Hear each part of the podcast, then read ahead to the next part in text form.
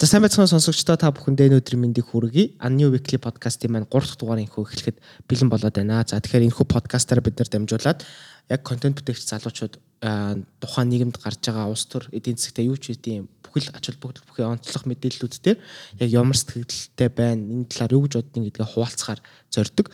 За тэгэхээр өнөөдөр 8 сарын 18-ны өдөр тохиож байна. Тэгэхээр яг энэ 7 хоногт яг ямар онцлог дүрм мэдээлэл байгаа юм аа За энэ 7 хоногт онцлог дөрвөн мэдээлэл нь Америк нэг цус анх удаа инфлюенсер хүүхдүүд эцэг их шүүхтөх боломжтой э, болсон. Тэгээ энэ Illinois мужтай ба шүү дээ. За тэгээд үн өсөгдөг арчаагүй зан монголчуудыг ядуурл төлөх ядуурл руу төлхнө гэдэг нэг юм айтем дээр гарсан нийтлэл байгаа. За энийг би жоохон муулж ярина. За Tesla-гийн Монгол инженер үерийн аюулыг өөрчлөлтөн таамаглах бот бүтээжээ гинэ.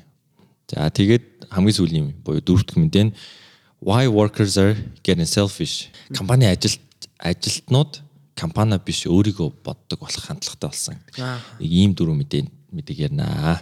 За тий. За тэгвэл хэдүүлээ шууд мэдээнд орё те. За эхнийх нь болохоор Америк нэгдсэн улсад анх удаа инфлюенсер хүүхдүүд эцэг эхээ шүүхтэх боломж нэгдлээ гэсэн. За энэ нь болохоор Америк нэгдсэн улсын Illinois мужид тохиолдсон. Тохиолдсон гэж ийм зохицуулт хуулийн зохицуулт шинээр хэрэгжихэр болсон. За энэ хуулийн зохицуулт нь болохоор 2024 оны 7 сарын 1-ээс хэрэгжиж эхлэх юм байлээ. За тэгээд Illinois мужид болохоор 12 сая хүн амтай айгу а том олон хүн амтай муж а Монголтой харьцуулахад ч тийм мэдээж. За тэгээд 16-аас за яг энэ зохицуулт нь юу вэ гэхээр 16-аас доош насны инфлюенсер болон сошиал медиа персоналити гэж яриад байгаа. Тэр нэгс баг инфлюенсер эсвэл нэг контент креатор ч юм уу те. Аа. Тим хүүхдүүдийн эрх ашигыг ер нь хамгаалах зорилготой ийм хуулийн зохицуулт хүүхдийн хөдөлмөрийн тухай хуульд нэмэлт өөрчлөлт байдлаар орж байгаа. За тэгэхээр энэ зохицуулт дээр нэг юу байгаа вэ гэхээр за маш сонирхолтой заяа. Ер нь бол бидний ингээд байнгын ингээд сошиал медиа орчин нэг ярьдаг үг хэллэгүүдийг энд ингэж бас нөгөө нэг тодорхойлж өгсөн байлээ. Нь одоо влог, влогер тий онлайн платформ гэдэг үгнүүдийг ерөнхийд нь бол тодорхойлоод өгсөн. А гэхдээ влогер гэдэг үгэнд болохоор 16-аас доош насны хүмүүстүүдийг хамруулж үзэхгүй байгаа. Тий. Тэнгүүд энэ дээр яг гол зүйл нь яг юу юу байгаад байгаа гэхээр нөгөө нэг инфлюенсер хүүхдүүд ер нь орчин үед амар их гараад эхэлсэн. А тэрүүгээр нь эцэг ихэн дамжуулж одоо гэдэг чи мөнгө олдог. Тийм тохиолдлууд байгаад байгаа. Тэнгүүд энэ кейсүүдийг ер нь бол нэгсэндээ ингээд хуулийн зохицуулалтанд оруулж ирж гин гэсэн үг байхгүй. За тэгэхээр яг гол урьдчилсан нөхцлүүд нь яг юу байгаа гэхээр 16-аас доош насны хүүхэд альва контентын 30 хүртэлх хувийн агуулгад нь ингээд орсон байх юм бол нэгсэнд одоо өөрийн дүр төрхөөрөө эсвэл одоо нэрээрээ эсвэл гэрэл зураг байдлаар ч юм уу те ямар зүрийн одоо контентын одоо форматаар тухайн хүүхдийн мэдээлэл гаднах төрх тухайн контентын 30 хүртэлх агуулгад хувьд орсон байх юм бол тэгээд тухайн контент нь мэдээж Illinois мужийн газар нутаг дээр хийгдсэн байх хэвээр. Тэгээд тэр контент нь 30 хоногийн дотор юу н хийгдсэн байх хэвээр гэж зааж өгсөн байгаа юм байна. Тэнгүүд энэ дээр яг ямар төсөлт өгсөн бэ гэхээр эцэг эхчүүд нь одоо тэр тухайн контент орсон хүүхдүүдэд ингээ бүртгэд явах юм байна заяа. Одоо одоо манлаа заяа. Эхний ингээ влог дээр нь одоо манай хүүхэд энэ контентэнд 15 минут ингээд орлоо. А энэ одоо ийм ийм дүрсүүд нэр ингэж ингэж орсон. Тэгэхээр энийг нь одоо монетайз хийгээд мөнгө рүү шилжүүлэх юм бол ер нь одоо энэ контентноос тэдний хэмжээний хой хүртэх юм байна гэдгийг эцэгчүүд нь тэмдэглээд явна. Дараа нь тухайн хүүхэд ингээд 18 нас хүрэх юм бол тэр үед нь нөгөө нэг яг тухай бүрдний дундын нөгөө нэг данс байдаг шүү дээ.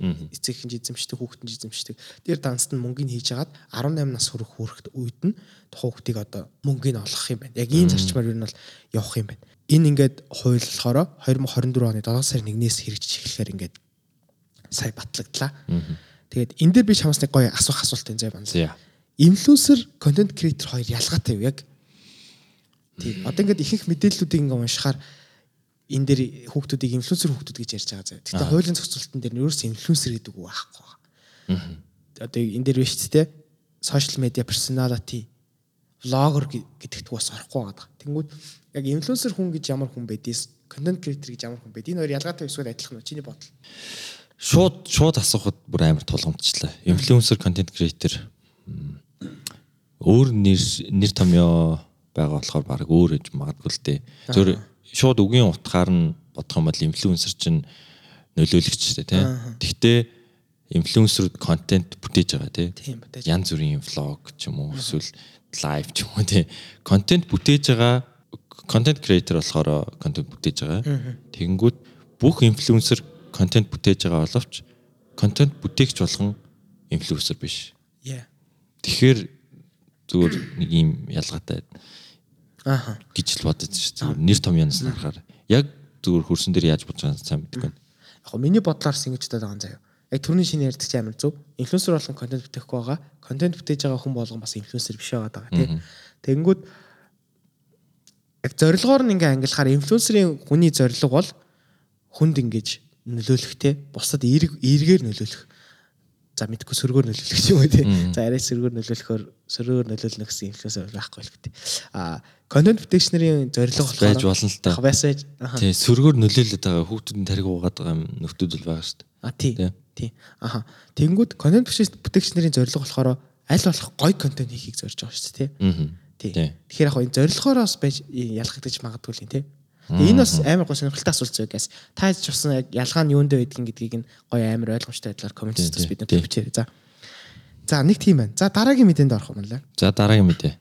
Дараагийн мэдээ болохоор item дээр гарсан үн өсөгдөг арчаагүй зан монголчуудыг ядуурл руу түлхэх нэг нэ. Энэ болохоор яг өнөөдөр буюу 8 сарын 18-ны өдөр нийтлэгдсэн юм мэдээ байна. Өнөөдрөөс G Dragon төрс өдөр. Тэр нь ямар чамаатай тий. G Dragon төрс өдөр. Тэгээд энэ нийтлэл надад үнэхээр таалагдахгүй байгаа юм. За Зүгээр. таалагдахгүй болохоор зүгээр энэ подкаст дээр бас ярьж гэж бодсон. Тэгээ негатив Mongolians-ийн подкасттай ярьж байгаа. Энэ болохоор ингэж байна. Хөрсөн дээр яг үн өсөхөсгүй байтал хүмүүс өөрсдөө үнэ өсгчдөг гэдгийг л агуулгалаа л та. Яг уншвал энэ айгүй их юм байгаа. Тэгээ доор нь линк тавьж болохоор. Сонсогч маань өөрсдөө өөртөө бас уншаарай. Одоо байрны түрээстэй жишээ нь байрны түрээсэн дээр хотын загтж байсан подолтж байсан сарын 700 мянган үнэтэй байгаад байгаа. Гэхдээ жоохон арай гайгүй болонгууд шууд э, 1.1 саяас эхлээл 3 4 5 саяын э, үнэтэй болоод өсчдөг гэдэг нэг юм юмэг бичсэн байгаа байхгүй. Өөрөөр хэлбэл хүн орлого олох хэмжээнээсээ илүү ихийг байрны түрээсэнд өгнө. Эсвэл байрны төлбөрт өгнө л өгөх болчиход байна гэдэг юм санаа. Тэгвэл энийг Монгол зан гэдэг байгаа байхгүй. Мо- Монгол зам бол яг ийм биш гэж би яг үндэ хэлмээр байна. Зүгээр нэг юм муу юм болохоор одоо Монгол хүнээс гарч байгаа э, гэдгээр нь шууд Монгол зан гिचээд тахшгүй. Түүнээс юу хаа хаанч дэлхийн хаанч ямар ч оронд үн өсөгдөг ийм зүйл байгаа. Энэ цэвэр зах зээл их гэж урмаар. Тэр байтугай 100% хотчсон Сингапур, Хонконгийн тэр э, түрээсийн төлбөр байрны үн бол өстой айхтар үнэтэй. Нэг манах дээр үннүүдээр тийм бас мэдээ гарлуу те. Тий. Яг түрээсийн төлбөр маш өндөр болохоор тэнд амьдрах нөхцөл байхгүй. Түнгийг Сингапур, Хонконг болохоор бизнес хийхэд бол хамгийн сайн тохиромжтой, амьдрахад бол тохиромжтой биш гэдэг нь харагдаад байгаа шүү дээ. Өнгөд энэ нэгэнт л энэ нэг хотод төвлөрөл үүссэн ийм тохиолдолд ялч хүний байр орон гэрний асуудал гарах нь гарцаагүй байгаа байхгүй. Тэгэхээр энийг шууд Монгол зантай холбох нь бол утгагүй. Аха, ер нь Монгол зан гэж яг юу? Монгол зан гэвэл би зүгээр нэг л юм хэлмээр зүгээр. Аа, Улс их орон үндэстэн болгоны нэг юм нийтлэг шин чанар байдаг юм байл л дээ. Хүмүүс герман хүмүүс гингүүт цаг барьдаг хүмүүс гэ тий. Аа тий. Тий со- Япон хүмүүс гингүүд бас цаг барьдаг тий. Зарчимч хүмүүс их ийдэг хүмүүс тий гэж ярьдаг. Бүх герман хүн цаг барьдаггүй шүү дээ.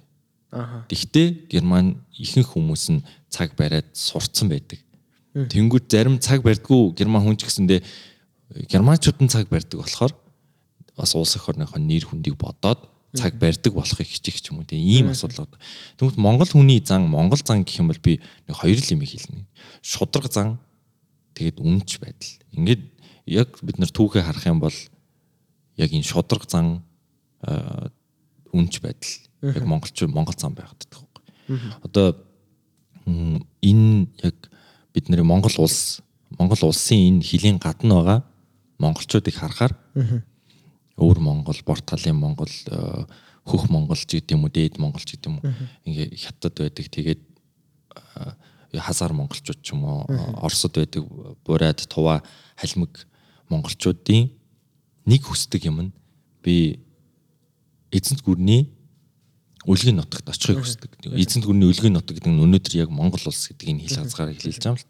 Тэнгүүд их гүрний эзэнт гүрний цэргүүд бид нарыг эргүүлж аавна гэдэг итгэлтэй байдаг гэж байгаа. Тэгэхээр тэр чинь эзэнт гүрэн хизээ мөгөж унлаад тий.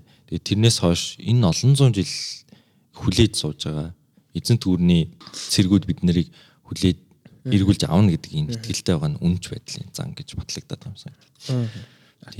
Тэгэхээр энэ бол энэ мэдээ энэ дээр яг Монгол зан гэж тодорхойлсон утгагүй. Аа үн нэмэх бол энэ шууд зах зээлийн журмаар.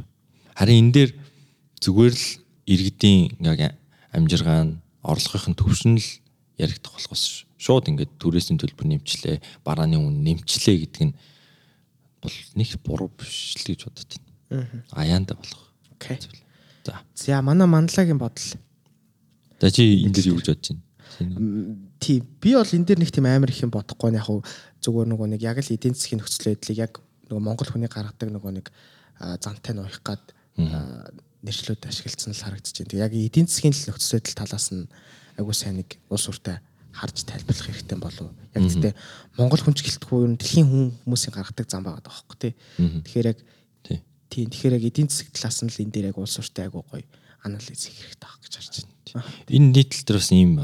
Бүгд намт хятад ард улсад татвар нэмэх болон бодлогын өөрчлөлтөөс гадна хотын захиргааны байрны үнийн хязгаарыг тогтоодог гэж байгаа байхгүй. Үнийн хязгаарыг тогтоодог. Тэгээд иргэдийн дундаж орлогоос давсан байвал үнийн хязгаарыг тогтоож шинээр баригдсан байрны үнийг хотын иргэдийн боломжит орлогоос бага байлгах ёстой гэж тогтоодог гэж байгаа.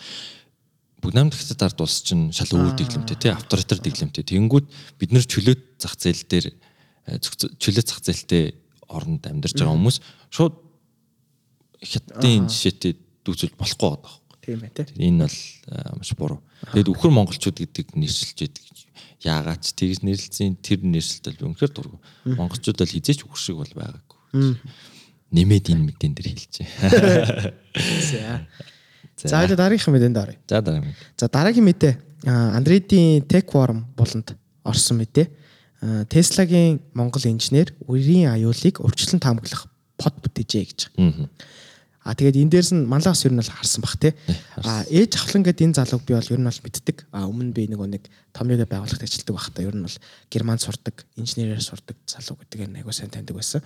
А манай хүн одоо яг төгссөн. Тэгээд яг германд Tesla-гийн нэг үйлдвэр ашиглалтанд үйлдвэр баригдчихж байгаа юм байна. Тэгээд Tesla-д дата инженерээр Монгол хүн анх удаага Tesla компанид орсон юм байна. Тэр нь манай инх жахлын юм байна.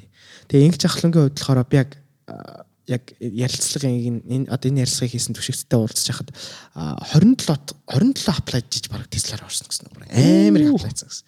Тэгэхээр бол ингээд ийм дэлхийн том юм те компанид монгол хүмүүс ингээ эхнээсээ ингээ ороод эхэлж байгаа гэдэг чинь айгу гоё. Том зүйл. Хамгийн гол нь амар ууггүй байхгүй тий. Тий харин тий. Тэгээ одоо ингээд нэг монгол хүн орчлоо шүү дээ. Дараагийн монгол хүн тестээд одоо хизээ орох нь бүр амар ойрхон боос тий. Бид нэг нэг зам гаргачлаа гэсэн үг байхгүй тий. За тэгэхээр ман яг энэ хүний хувьд болохоор яг яасан бэ гэсэн чинь нөгөө нэг 8 сарын 5-нд нөгөө нэг амар том их гарч хохирол бид нарт учруулсан үер болсон шүү дээ. Тэр үеийн яг оройн манай хүн одоо Монголд ирсэн байгаа да. Тэгээд одоо явцсан гэж магадгүй. Гэхдээ ээж нь яг тэр оройн залгангуудаа манай хүн туслан тэр байсан юм байна байсан юм шиг байна. Тэнгүүтээ үер болох гээд тах шүү болгоомжтойгоор гээд. Тэгэд манай хүн юу ч бодлохгүй ингээд өнгөрөөц юм байна л да. Тэгээ өглөө сэрээс харсан чинь нөгөө нэг жинк нөгөө нэг сошиал чинь нөгөө нэг үерээрээ ингээд бүх юм болж идэм бас тий. Тэгээд манай хүн за энэ дээр яаж гоё юм энгийн шийдэл хийх үү гэд нэлийн судалгаа явуулсан юм байна. Уул нь нөгөө нэг Монголын нөгөө нэг холбогдох онцгой байдлын ерөнхий газар мазрын ингээд сайт майтан дээр нь ингээд үер болж магадгүй шүү ингэ шүү гэдэг мэдээлүүд явсан. Гэхдээ тэр нь ерөөсө газар авдаггүй нөгөө нэг олон хүнд хүрдэггүй тийм байсан юм байна л да. Тэгээ мань хүн энэ дээр яг нэг шийдэл болох хэрэгтэй гэж бодоод олон жишээнээс судалсан юм байна. Тэгээ англи улсад яг нэг юм жишээ байдаг. Одоо яг нэг тухайн үеийнх нь одоо цаг уурынх нь газрын мэдээллийг нь тэрэн дээр нь одоо анализ хийгээд сошиал медиагаар хүргэдэг тийм одоо бот гэсэн үг. Нэгсэн цаг алдахгүй байх хэрэгтэй байхгүй. Орой орой унтчих хаад 4 цаг 3 цаг ингээд унтчих ч гэсэн тэр под ингээд мэдээлэл төвөөж ахлах хэрэгтэй байхгүй. Тийм шүү дээ. Тэгэхээр тэндээс санаа аваад манай хүн тийм под бүтээсэн. Тэгээ цаг уур орчны шинжилгээний газрын ингээс гаргадаг ингээд цагийн цаг агаарыг урьдчилсан мэдэн дээр ингээд тулгуурлаад үерх үер буух магадлалыг тооцож гаргадаг. Түүнийг олон нийтэд хүртээмжтэй цаг алдалгүй түгэх боломжтой юм под бот гэхээр нэгсний одоо AI гэсэн үг үстэй. Арай өөр гэдэг AI одоо робот ч юм уу тийм мэдгүй. Аа. Тий. Тийм гэсэн. Ямар ч хүний оролцоогүйгээр байнга өөрөө ажиллаад автомат. анхааруулга сэрэмжлүүлэх өгөө явж чадна гэсэн юм шүү дээ. Yes. Тэгээд а энэ ботны хувьд болохоор Улаанбаатар Ready гэдэг нэртэй Twitter гэж ярихгүй одоо X.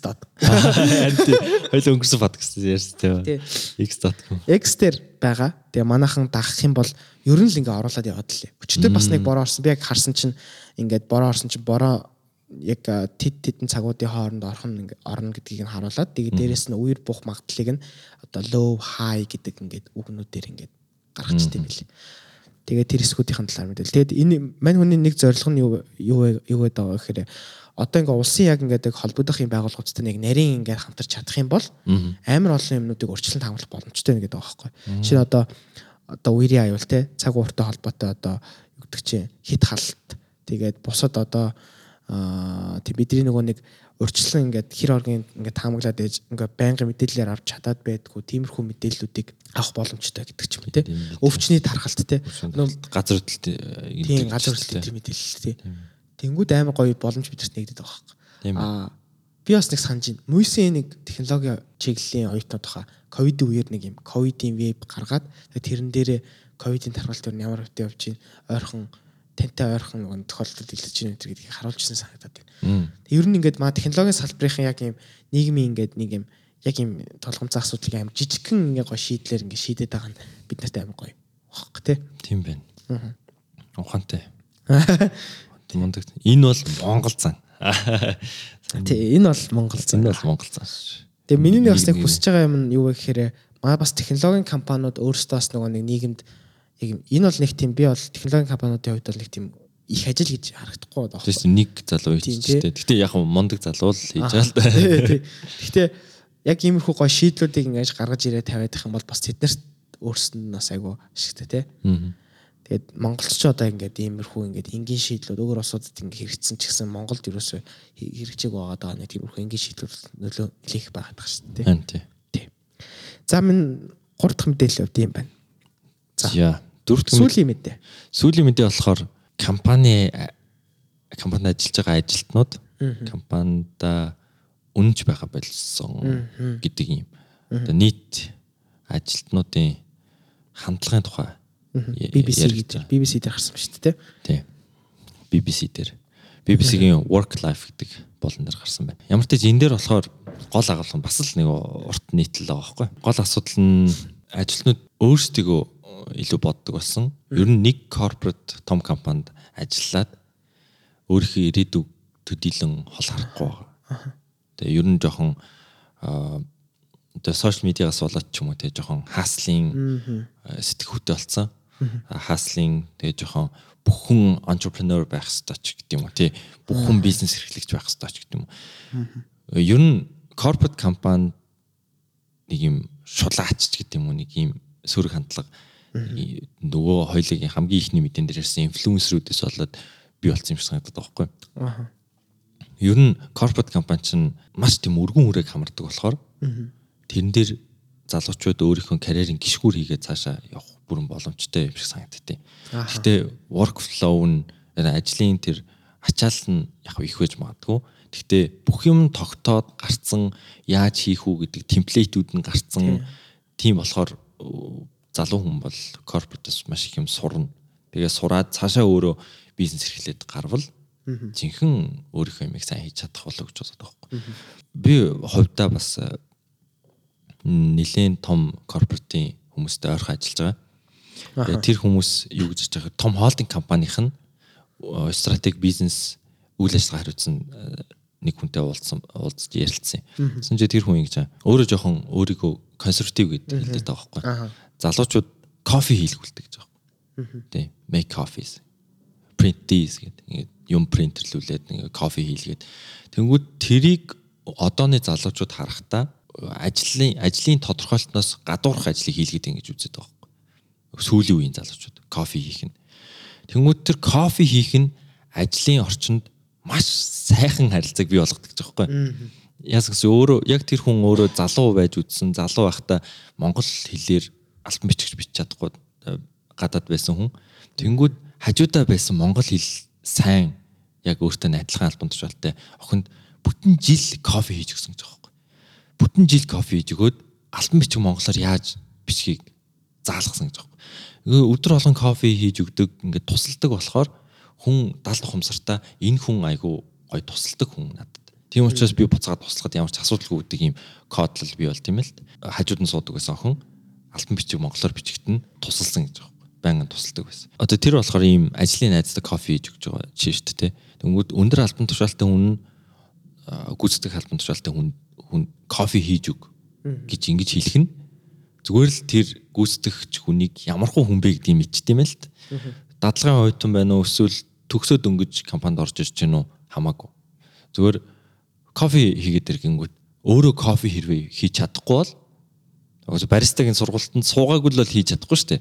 Кофе шоп гүүх үү яах уу гэдэг ингэнгүүт кофе шоп хэрэггүй. Энд эспрессо машин байна, ус нь байна, аяг нь байна, make coffees.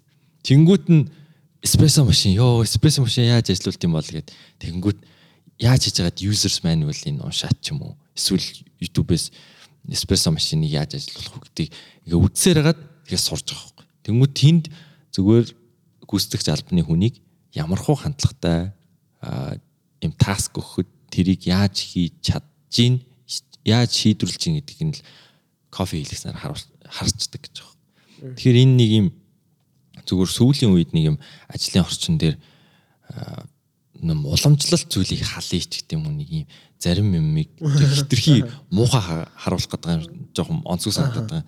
Зарим уламжлалт юм чинь ер нь шалгалт болж таарад шүү дээ тий. Кофе хийж өгөх чинь, дарагдаа кофе хийж өгөх чинь. Тэгээ энэ дээр болохоор миний хувьд болохоор заяа. Яг ванлайт дээр яг яах гээд байна л да. Зөрөх гээд байна л да. Зүгээр зүгээр харин хэл хэл. Тий, одоо би яг зүгээр манлаа аюусаа гоё корпорат талаас нь гоё тайлбарлчлаа тий. Яг инк ёсо текст. Яг тэр нь ч гэсэн надад бас зөв юм шиг санагдаж байгаа хгүй. Гэхдээ нэг тодорхой хэмжээнд тий бас ингээд бас бүтэн жилчингээ кофе зөөлгөд ижлэхгүй шүү дээ тий. Тэгэнгүүт Тэгээ нөгөө хүн болохоор өөрөө сайн дураараа зөөсөн шүү. Аха аха. Тэгээ нэгүүд яг ингээд удирдлагуудын ялгаал байна л да. Монголд яг ингээд чиний яг ярьжсэн шиг яг тэр нөгөө нэг өнцгөөс нь ингээд харж ингээд яадаг удирдлагуудыг хэр их байгаа вэ гэдгээс л хамаарх гэдэг байна тий. Бас нөгөө талаар нөгөө нэг стартапууд ингээд корпорат хэрэггүй мэкгүй гэдээ ярьж байгаа шүү дээ бас. Тэгээ бас ингээд жоохон хитрээд байгаа байхгүй юу хитэрж байгаа бас тохиолдол байгаа. Тэгээд тэнгууд нөгөө нэг уламжлалт нөгөө нэг тий өчнөө олон зуун жил ингээ явцсан бизнесийн тэр нөгөө нэг аа зарчмуудаас ингээд хазаасан зүйлс бас байгаа. Тэрийг бас үүсэхгүй тий. Тэнгууд бас би бас нэг хүнтэй уулзсан. Тэр хүн ингээд яг бүр үнэхээр стартап ингээд хийх явж байгаа амар хүн. Аа нэлээд мундаг хүн. Миний хувьд бас яг тэгж боддог хүн. Аа тэгтээ бас нэрийг хэлэхгүй ингээд яач тий. Корпоратуудын талаар мань хүн амар гой бодол юу хийсэн зэ. Монголд корпоратууд сайн залуучуудыг авчираад бушилдаг газар болчиход байна гэдэг. Ерөөсөө ингээд өөр газар тэр сайн залуучууд байх юм бол Монголд айгүй хэрэгтэй байгаад идэг. Монголд айгүй их валю үүсгэж чадахгүйц байгаад идэг. А гэхдээ Монголд корпоратууд сайн залуучуудыг авангуудаа зүгээр ингээд бушлаад тэнцэнэ ингээд зүгээр ингээд нь гарахгүй ингээд зүгээр байлгаад байна гэдэг байхгүй. Ингээл нэг мэйлнээс мэйлний хооронд, шийтнээс шийтний хооронд тий байлгаад байгаа гэдэг байхгүй. Тэгээ корпоратууд байгаад байгаа тэр залуучуудыг бодож яг нэг тэр залуучуудын валюг бодож нэг тэгж хэлж байгаа. Тэгээ мань хүний бас нэг хандлага нэг юу гэж анзаарчихсан бэхээр дэлхийн нэг ертөнцийн дээр ер нь ингээд корпоратууд жоохон задарч эхэлж байна гинэ. Задрахгүй болохгүй байгаа гинэ. Тэрийг өөрсдөө корпоратууд агуулсаа ойлгодог болсон. Одоо жишээлбэл юу гэдэг чинь хоёулаа нэг зорилготой байх хориулаа нэг зорилготой хоёр шал өөр шүү дээ. Одоо хоёулаа нэг зорилготой байх гэхэд хоёул гоё подкаст өвчиж байгаа байхгүй гоё подкаст хийн шүүгээд а 20 бачка нийлж байгаа подкаст хийх юм бол тэр би өнөөдөр ингээд хиймээргүй байна тий. Тэгээд өнөөдөр ингээд гэдэг чинь подкаст юм бичих өдөр их муу юм биш шүү тий. Энэ 7 хоногт нь орхитой мэдээ гарааг чи яа подкаст хийх гээд байгаа юм бэ гэдэг ч юм уу тий. Тиймэрхүү тохиолдолд гарч ирж шүү дээ. Тэндээс чи хамаарад нөгөө нэг корпоратыг муухай харагдуулдаг калчер нэг тэндээс үүсчихэд байгаа хөөх. Өөрсдийг нь муухай харагдуулдаг. Тэнгүүд дэлхийн ертөнцийн ингээ корпоратууд ер нь задарч эхэлж байгаа. Аль болох одоо тэрийг ингээ Google, Amazon ч юм уу ингээ компаниуд ер нь анзаарсан байна гинэ. Тэгээд ер нь хамгийн сайн хийж байгаа нь Microsoft гинэ. Одоо ингээ OpenAI ч юм уу тий. Тийм ч юм ингээд амар олон жижигхэн компаниудаар ингээд задлаад байгаа. Аль болох хүмүүс ингээд задлаад байгаа. Тэгээ өндөгт юу гэдэг чинь юм 60 хүн OpenAI AI-ын доор ажиллана. А тэр хүн болохоор 60 хүнийг менежлэх бол тэднэрт амархан байгаа. Тэнгүүд аль болох корпоратуудаа задлаад байгаа. Тэнгүүд ирээдүйд ер нь юу гэж харах хэрэгтэй вэ гэж тэр хүн юу зүйлсэн гэхээр аль амар олон юм дижитал намаат ч юм уу юм remote working хийдэг хүмүүсийг амар их болно. А корпоратууд задраад амар олон жижигхэн компаниуд гарч ирнэ. А тэрний цаана зүгээр жинк одоо тий MCS Apo 5 богч ухлаач юм уу те. Тэгвэл нөгөө нэг нэрүүд нь. байж идэг. Тийм болно гэсэн зүгээр санаа. Нөгөө тал одоо чи түрүүн гой корпоратив гой тайлбарсан шүү дээ. Энэ талаас нь миний зүгээс л гой гой стартапууд юу гэж харж байгаа гэдэг гой. Яг зэрэг тал нь. Аа яг зэрэг. Хойлыг харцгаа болчихсон. Тий. Нэг иймэрхүү нөхцөл байдалтай байна. Тэгээд манай залуучууд таньнаас юу гэж бодож байгаа юм тий. Тэгэл тань тий. Комент хийчихэр. Тий. Тэгээ энэ энэ бол тэгээд би амар урт хугацааны процесс гэж харж байна. Тэгээд аль аль аль талдаа ч зөв юм байгаа, аль аль талдаа ч бас буруу юм байгаа. Тийм байж болох тий. Энэ дэр нэг ийм одохгүй тий. Пандемикаас болоод офис дээр ирэх сонирхол нь айгу буурсан гэдэг. Энэ мэдэн дээр. Бүтнээр нь уншаарай. Corporate corporate офис дээр ирэх сонирхол нь буурсан гэдэг байхгүй сүүлд гарсан судалгаа нь офис дээр ирэхгүй ремоут ажиллах нь ажлын э, тэр үр дүнд муугар нөлөөлдөг. Yes. Яг хамт ажиллах нь илүү сайн гэдэг. Одоо энэ ч бас амар хэрүүл болоод байгаа юм билээ шүү дээ. Аа тий. Одоо бас менежж гэлтгүй ер нь дэлхийд бүр алаан болоод байгаа байхгүй. Нөгөө нэг манай ажил дээр ч гэсэн ер нь үр дүн айлгад харагдаад байна шүү дээ. Элон Маск хөлөө хийх юм билээ ингээ. Нэг амар том том компаниудын захирлууд ингээд remote working байж болохгүй гэж юм шиг гэд хэлж бэлдсэн тийм бүр. Тэгээд мэддэг код тэгэхэд аль нь энийг бас баланслах хэрэгтэй байх юм. Баланслах. Яг яаж баланслах юм гэдгийг тэгээд одоо аюулах. Энэ тэгээд биднэрт угаas амар шин зүйл байгаа байхгүй тий. Бүгд пандемиктэй 2 жил 3 жилд так нүдүүлээл тэгэл хүмүүс нь ч өөрчлөгдөөл хүмүүс нь гинт өөрчлөгчөнгүүд компаниуд ч нөгөө нэг тий ялангуяа том компаниуд ч бүх юм планет ингэж явдаг байсан зүйл чинь ингээд шал өөрчлөж байгаа байхгүй тий. Тэнгүүт л ингээд нэг юм арцгаанаж эхэлчихлээ Тэгээ аль нь ч те мэддэг. Corporate компани насжилт гэдэг судалгаа гэдэг юм байна л да. Тэгсэн чинь 58 он гаргасан судалгаа нь хаанаас гэдэг юм би мартчихлаа. Харж байсан. 58 онд гаргасан судалгаанд корпоратийн дундаж наслалт 60 жил гэсэн бохоо. Тэгсэн чинь сая 2 жилийн өмнө гаргасан судалгаагаар 10 жил. Яа. Амар багсаа. Багсаад байгаас тий. Корпоратууд зүгээр сүрж байгаа байхгүй. Тэрний яг энийг надад харуулад надтай ярьж исэн хүн болохоор нэг том компани стратеги хэрэглэсэн захирал хүн байсан байхгүй. Тэр хүн яг тэр өөрийнх нь байгууллагт сайн хүмүүс нь гараад өрсөлдөгч компаниуд руу ороод байгаа байхгүй.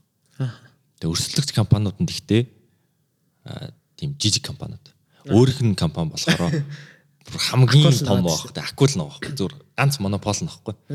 Тэнгүүт зүгээр монопол компани болохоор яаж энэ байдлаа хадгалах вэ гэж боддог болохоос хэнийг хинээс илүү гарах вэ гэж бодохгүй шүү дээ. Ганцаараа ганцаараа илүү юм чи тий. Тэнгүүт бусад компаниуд бол яаж энэс илүү гарах вэ гэдэг. Тэгэхээр илүү их хичээл зүтгэл гарах гэдэг байхгүй. Тий. Тий. Нөө копи шиг тий. Тий. Копи одоо ингэж баг. А дунд сургалт байхдаа өдөрт 2 удаа бэлтгэл хийдэг гэсэн. Тэгсэн чинь бусд нь болохоор 7 хоногт 2 удаа бэлтгэл хийдэг гэсэн. Яг чадварын хувьд ийм копи бол муу байгаа. Ингээ явсаргаад яг чадварын хувьд тэнцүү болох үед нөгөө 7 хоногт 2 удаа бэлтгэл хийдэг байсан нөхдүүд хизээч копи гүйцэхэргүй хэмжээний болцдог гэсэн. Яг чадвар нь адилхан байгаа нэ копи копигоос илүү бэлтгэл хийгээч нөгөөдөл нь копиг барахгүй. Яг тэгэхээр тэр сайжирж байгаа хурдтгал нь маш хурдан болохоор. Тэнгүү корпорат компаниуд гэсэндээ зоригтой бүгд нэг юм за энэ компаниас илүү болно шүү. Энтэй өрсөлдөж шүү гэдээ ингээ бодчингууд нөгөө том акулынхаа хойноос нэгж байгаа хурд нь маш хурдан. Тэнгүү гол аюул нь гэдэг өөрсдийнхөө аюулыг хэлж байгаа байхгүй. Сайн хүмүүс нь гараад нэг хүний хийдэг байсан ажлыг хоёр муу хүн хийж байгаа гэж байна. Уг нь хоёр муу хүн болиулаад нэг сайн хүнийг авах нь чухал шүү дээ. Зардалт. Тэгээ бас дээрэс нь ажлын үр дүнд. Тэгсэн чинь тийм буруу юм гараад байгаа гэж байна. Тэгэхээр корпоратууд бол угаасаа нэлийн гангацсан юм руу ороод байгаа. Гэтэ ингээд бас ингээд дараагийнхнаас аяга сонирхолтой байна. Одоо жишээл копи ингээд гүйцэд ирлээ зэ.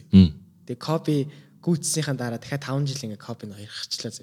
Копи аккол болно шүү дээ. Тэнгүүд копигийн араас дахиад өөр аккол гарч. Бас нэг хэлтэй. Яг л энэ ингээд ийм процесс байгаа байхгүй. Нас энэ ихтэй амар сонирхолтой зэ. Та хэд бас маа сонсож байгаа хэд бол корпорат юу корпоратын зөв юм уу? Тэр нь зөв юм уу? Энэ зөв стартапын зөв юм уу? Те эсвэл one man army байх юм уу те хэлээрэй те энэ бас нэлээд сонирхолтой. Сэдв. Би бол том компани байгуулъя гэж үс боддог одоо ч би компани ганцаараа л өдөртөө one man army ганцаараа тайлангаа хичээл ганцаараа ажиллаа хийгээл ганцаараа яриа мариага хийгээл мэйл ивчил. Бараг амрах байхгүй. Хаана юу болж байгааг би бүгдийг мэдж байгаа болохоор. Уусч байгаа шүү дээ. За бид нар хуралцчаад хариулъя гэхтээ. Хойш таарсаа өөр өөр өөртөг ажилласан. Дотроо хуралдаад нөө юу болохоор personality disorderтай дотроо амар олон хүнтэй тий. Дотроо нэгтлэн мэтлэн тий. Дотроо хуралцснаа шийдвэр гаргаж байгаа. За тэгээд энэ удаагийн подкастын юм сэдвүүд ингээд дуусчихээн. Тэгээд энэ удаагийн подкастыг энэ хүртэл сонссон бүх сонсогчдод баярлалаа. Тэгээд бид нар аль болох 7 хоног болгон тогтмол оруулах хичээж байгаа. Тэгээд дараагийн дугаар өмнөх дугаар дээр шинэ хүн орж ирэх байх гэсэн чинь энэ нөгөө нөгөө хоёр нь дахиад байж лээ. За дараагийн 7 хоногс яг шинэ хүмүүс орж ирэх байх тийм. Өөр бас гоё тайдын санал болгох гоё юм social content creator ч юм уу те эсвэл тийм залуучууд байх юм бол бид нарт бас санал болгоороо тэгээ бид нар тэр хүмүүстэй холбогдоод подкасттай урьж авчираад гоё мэдээнүүд дээр тэр хүмүүсийн гоё санал хүсэлтийг сонсно. Сонсох болноо. Тэгээд энэ удаагийн подкаста энэ хоёрод дуусгах юм байна. Тий. За би энэ хүртэл бидэнтэй хамт байсан баярлалаа. Баяр та. Баяр та.